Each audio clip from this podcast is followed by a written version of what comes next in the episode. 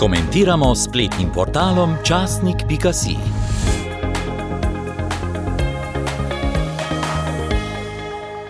Slišali boste poziv direktorja študijskega centra za narodno spravo dr. Tomaža Ivešiča slovenski javnosti in akademski sferi glede vojne v Ukrajini.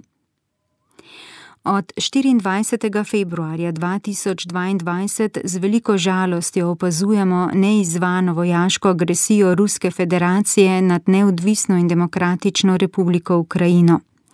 Vladimir Putin, znan po avtokratskem načinu vladanja in teptanju človekovih pravic, nedemokratičnosti in omejevanju človekovih svoboščin, se je v slogu svojih bolševiških predhodnikov odločil za vojaško posredovanje v sosednji državi, ki ji je že v prejšnjih letih kršil teritorijalno celovitost. Kot direktor študijskega centra za narodno spravo, kjer se sodelavci ukvarjam s proučevanjem totalitarnih režimov, pozivam slovensko javnost ter akademsko sfero, da se javno upreta Putinovemu revizionizmu zgodovine ter političnemu jeziku, ki ga ob tem uporablja. Treba je povdariti, da je Putin leta 2015 že sprožil potvarjanje zgodovine s tezo o polski krivdi za začetek druge svetovne vojne zaradi dogodkov povezanih z razkosanjem Češko-Slovaške leta 1938. Z omenjeno tezo je želel upravičiti napad Sovjetske zveze na Polsko leta 1939 na podlagi pakta med Hitlerjem in Stalinom z dne 23. augusta 1939. Neposredno pred napadom na Ukrajino je Putin demokratično izvoljenega predsednika Ukrajine Volodomira Zelenskega, ki je sicer judovskih korenin, obtožil nacizma oziroma fašizma, prav v slogu trditev njegovega predhodnika Stalina, da je fašizem vse, kar mu nasprotuje. Žal se enak politični žargon vse pogosteje uporablja tudi v Sloveniji. Putin je nadalje obtožil ukrajinski politični vrh, da v Donbasu sproža genocid. Takšna obtožba je najmanj nespoštljiva in nemoralna do žrtev holokausta, porajmosa in drugih genocidov, ki so se zgodili v preteklosti, zadnji nedalec stran v Srebrenici. Žal takšne trditve objavljajo tudi različni Putinu naklonjeni portali v Sloveniji. Medtem pa ruska vojska neusmiljeno in vse pogosteje napada civilno prebivalstvo v Ukrajini, kar je očiten dokaz vojaške nemoči in kršenje mednarodnega prava. Ob teh grozljivih dogodkih se žal pri Putinu in njegovi vojski ponavljajo miselni vzorci iz komunistične preteklosti, kakor so se pri jugoslovanski ljudski armadi leta 1991.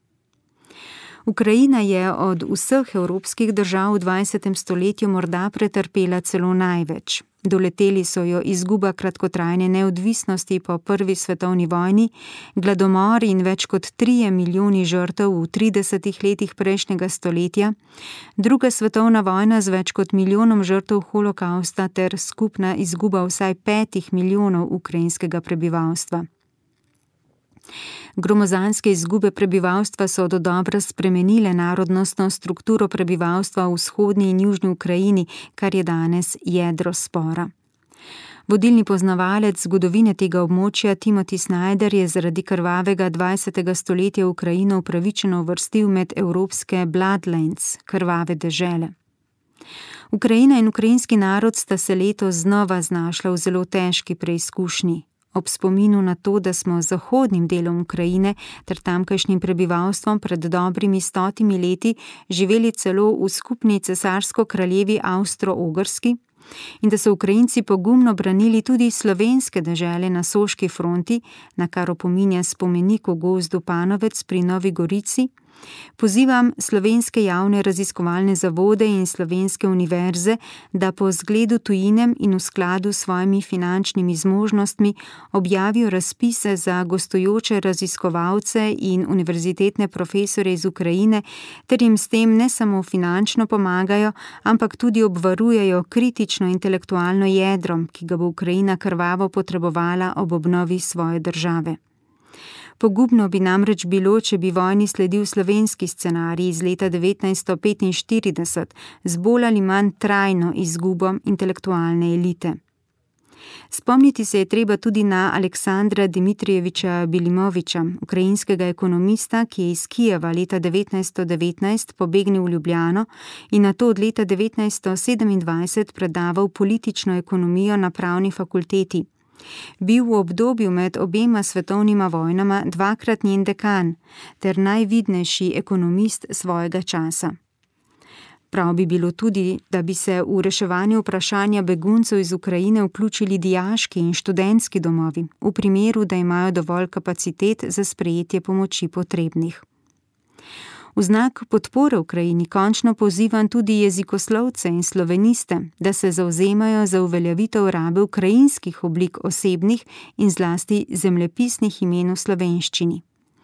Raba ruskih oblik imen mest kot so Lviv, Harkiv in Zaporižja je, ne glede na navidezno večjo bližino ukrajinščine ruščini, nekaj takega, kot da bi v italijanščini ali angleščini še vedno uporabljali oblike Leibach, Marburg ali Heidenschaft za Ljubljano, Maribor ali Ajdovščino. Je na spletnem portalu časnik.si zapisal dr. Tomaš Ivešič.